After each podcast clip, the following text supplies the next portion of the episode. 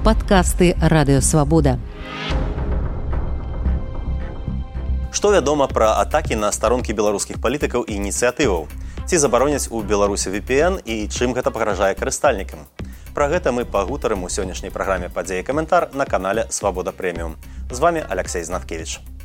І наш гость прадстаўнік ініцыятывы Белпол Мацвей Купрэйчык.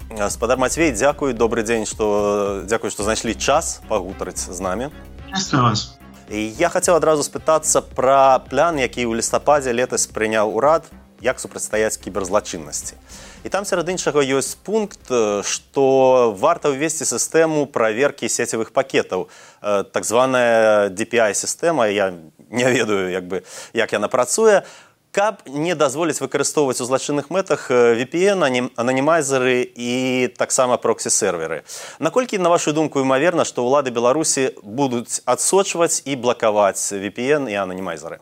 На самом деле это будет пустая трата денег, так как мы знаем, есть отличный пример Китая, где существует, э, как они это называют, Great Firewall, большая там китайская стена, которая не должна позволять китайцам заходить на определенные сайты. Однако они с этим прекрасно справляются, заходят на любые ресурсы, которые их интересуют, используя тот самый VPN. То же самое будет и в Беларуси. Режим пытается таким образом задушить свободу слова, и у них ничего не получится. Кстати, был был пример, э, я точно не помню, вроде бы в 10-х или в 11-х годах режим уже пытался блокировать именно Tor браузер, однако они потратили на это примерно около 1 миллиона долларов, и у них ничего не получилось. Вот вы сказали, что и у Китая ничего не атрымоўваецца, але в принципе часам можно читать оценки специалистов, что в Китае довольно эффективно, прынамсі знижаюць магчымасць для звычайнага человека чытаць нейкія забароненыя сайты чытаць нейкую інфармацыю якая на думку кітайскіх уладаў пагражае там бяспецы дзяржавы альбо уладзе камуністычнай партыі вам не здаецца што ну хтосьці зможа хтосьці не зможа камусьці давядзецца прыкладаць вялікія намаганні і таму аўдыторыя тых жа незалежных сМ зменшыцца?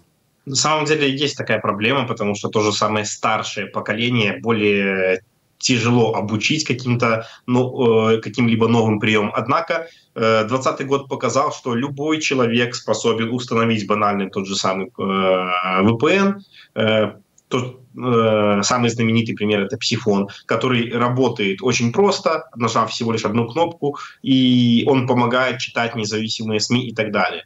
Э, так я сделал со своими родителями, так сделали многие мои знакомые со своими родителями, бабушками, тетями и так далее. И это нормально работало. И в данном случае я уверен, что да, в любом случае кто-то не пойдет на закрытые какие-либо ресурсы э, из-за этой проблемы. Однако все равно очень большая часть населения благодаря 2020 году научилась обходить вот такие вот ограничения. Поэтому я думаю, что все будет нормально. А ці можете вы даць вось нейкія практычныя парады тым людзям якія цяпер ну праз той жа сифон ці праз іншыя VPN сервісы чытаюць забароненыя ў беларусе сайты Вось па-першае ці могуць улады гэтых людзей адсачыць і па-другое што ім рабіць калі гэтыя канкрэтныя ресурсы забароняць и заблокуют. Ці это немагчыма зрабіць увогуле. Конечно, заблокировать определенные те же самые IP-адреса возможно и так далее. Каждый, например, сервер имеет свой IP-адрес, к которому подключается, например, наше устройство. Однако мы должны понимать, что платные VPN-сервисы достаточно часто меняют IP-адреса своих серверов для того, чтобы как раз-таки избегать вот такого рода блокировок.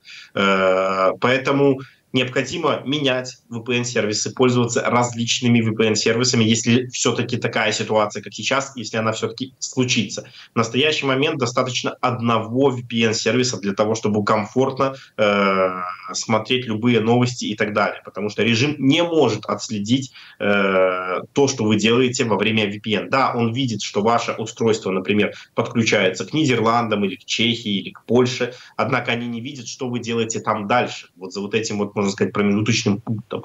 Поэтому они ничего с вами сделать не могут. И они будут пытаться это отслеживать. Возможно, да, они приложат к этому большие усилия. Поэтому каждый человек должен понимать, что когда ты находишься в Беларуси, ты находишься в состоянии перманентной опасности. В любой момент к тебе могут ворваться домой, и в любой момент могут на улице или где-либо в другом месте могут попросить тебя твой мобильный телефон предоставить на проверку. В таком случае вам надо понимать, что всегда чистите кэш вашего мобильного телефона, всегда чистите кэш Телеграма, пользуйтесь обязательно партизанским Телеграмом, который при вводе ложного код пароля поможет вам сохранить э, свою жизнь и поможет вам сохранить себя на свободе.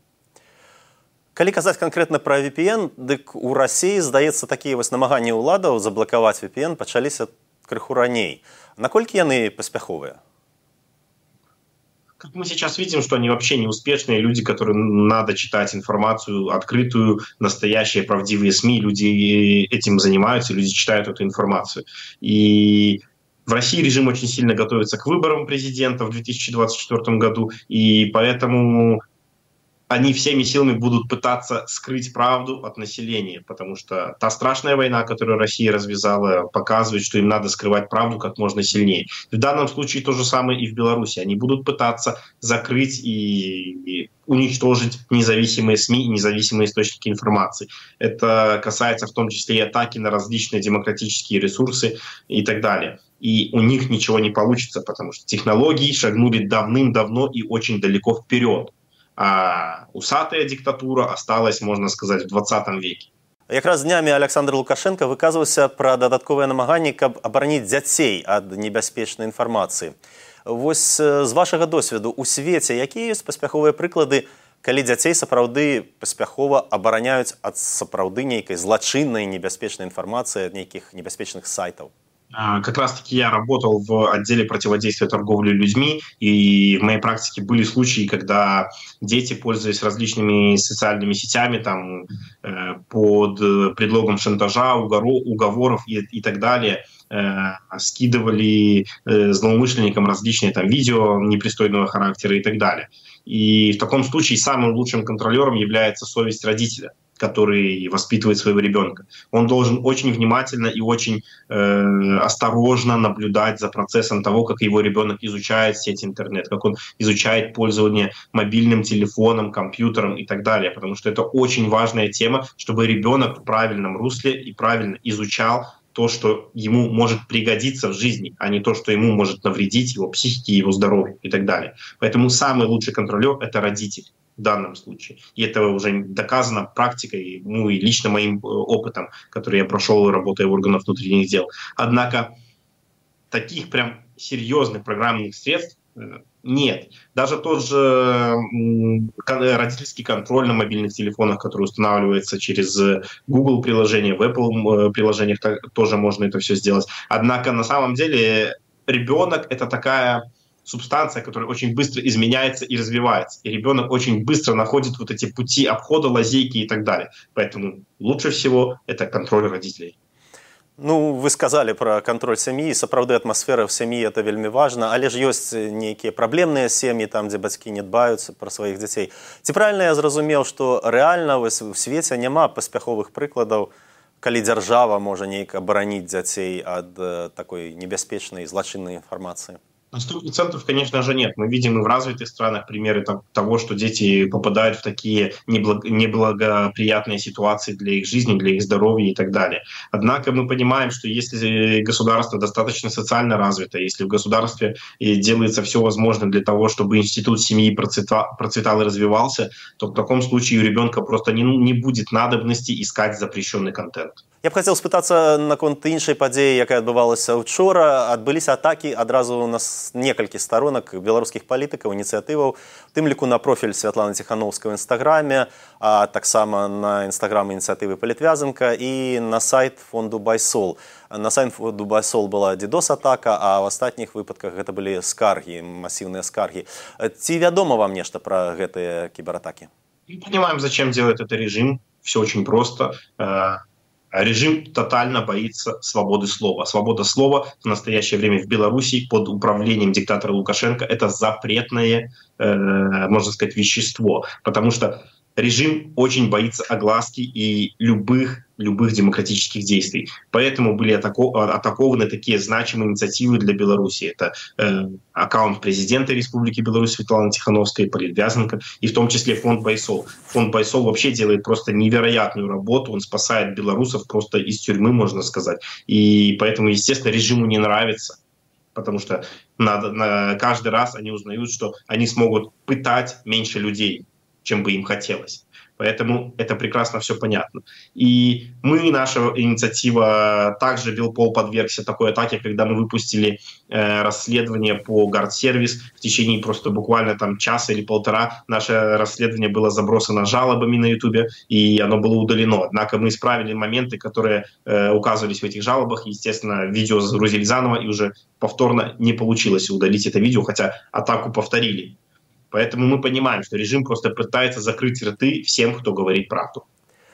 Э, калі вось вы кажаце пра цяперашнія атакі я так разумею вы сыходзіце менавіта з таго каму гэта выгадна да ці ёсць нейкія яшчэ дадатковыя сведчанні што гэта менавіта спланаваная атака з боку рэжыму лукашэнкі но посмотрим, даже если рассуждать логически, кому еще надо атаковать такие СМИ? Ну, СМИ, соцсети и так далее. Ну, ведь нет в этом никакой необходимости. Потому что настоящий закон Республики Беларусь они никоим образом не нарушают. Они доносят правду, не врут в своих э, заявлениях и так далее. Что же происходит с э, другой стороны, когда лукашисты каждый день просто выплескивают просто тонны и тонны лжи на уши белорусов и пытаются им доказать, что Беларусь в настоящий момент самая процветающая страна, то понятно, что только режиму может быть интересно блокировать любые источники правдивой информации.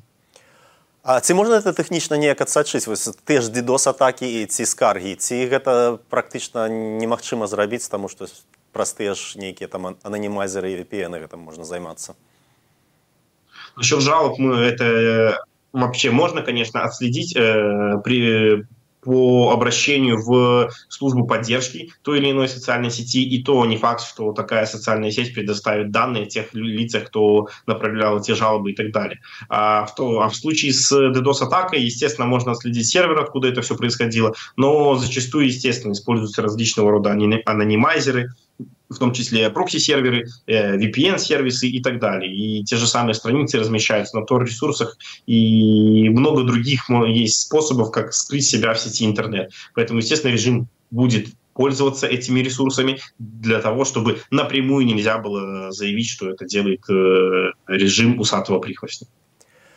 А як такому могуць супрацьстаяць тыя ініцыятывы, якія, магчыма, не настолькі тэхнічна дасведчаныя, як вы, як Білпол. Вось што б вы параілі больш дробным ініцыятывам, якія маюць свае сайты, свае старонкі ў сацыяльных сетках, калі э, на іх пачынаецца такая атака? Ну, во-первых, всегда должен быть грамотный, толковый системный администратор, который заведует вашим сайтом, либо Э, вашей страницы. Это первый момент. Второй момент. Не, не жалейте денег на обеспечение защиты и покупайте желательно платную защиту для ваших сайтов.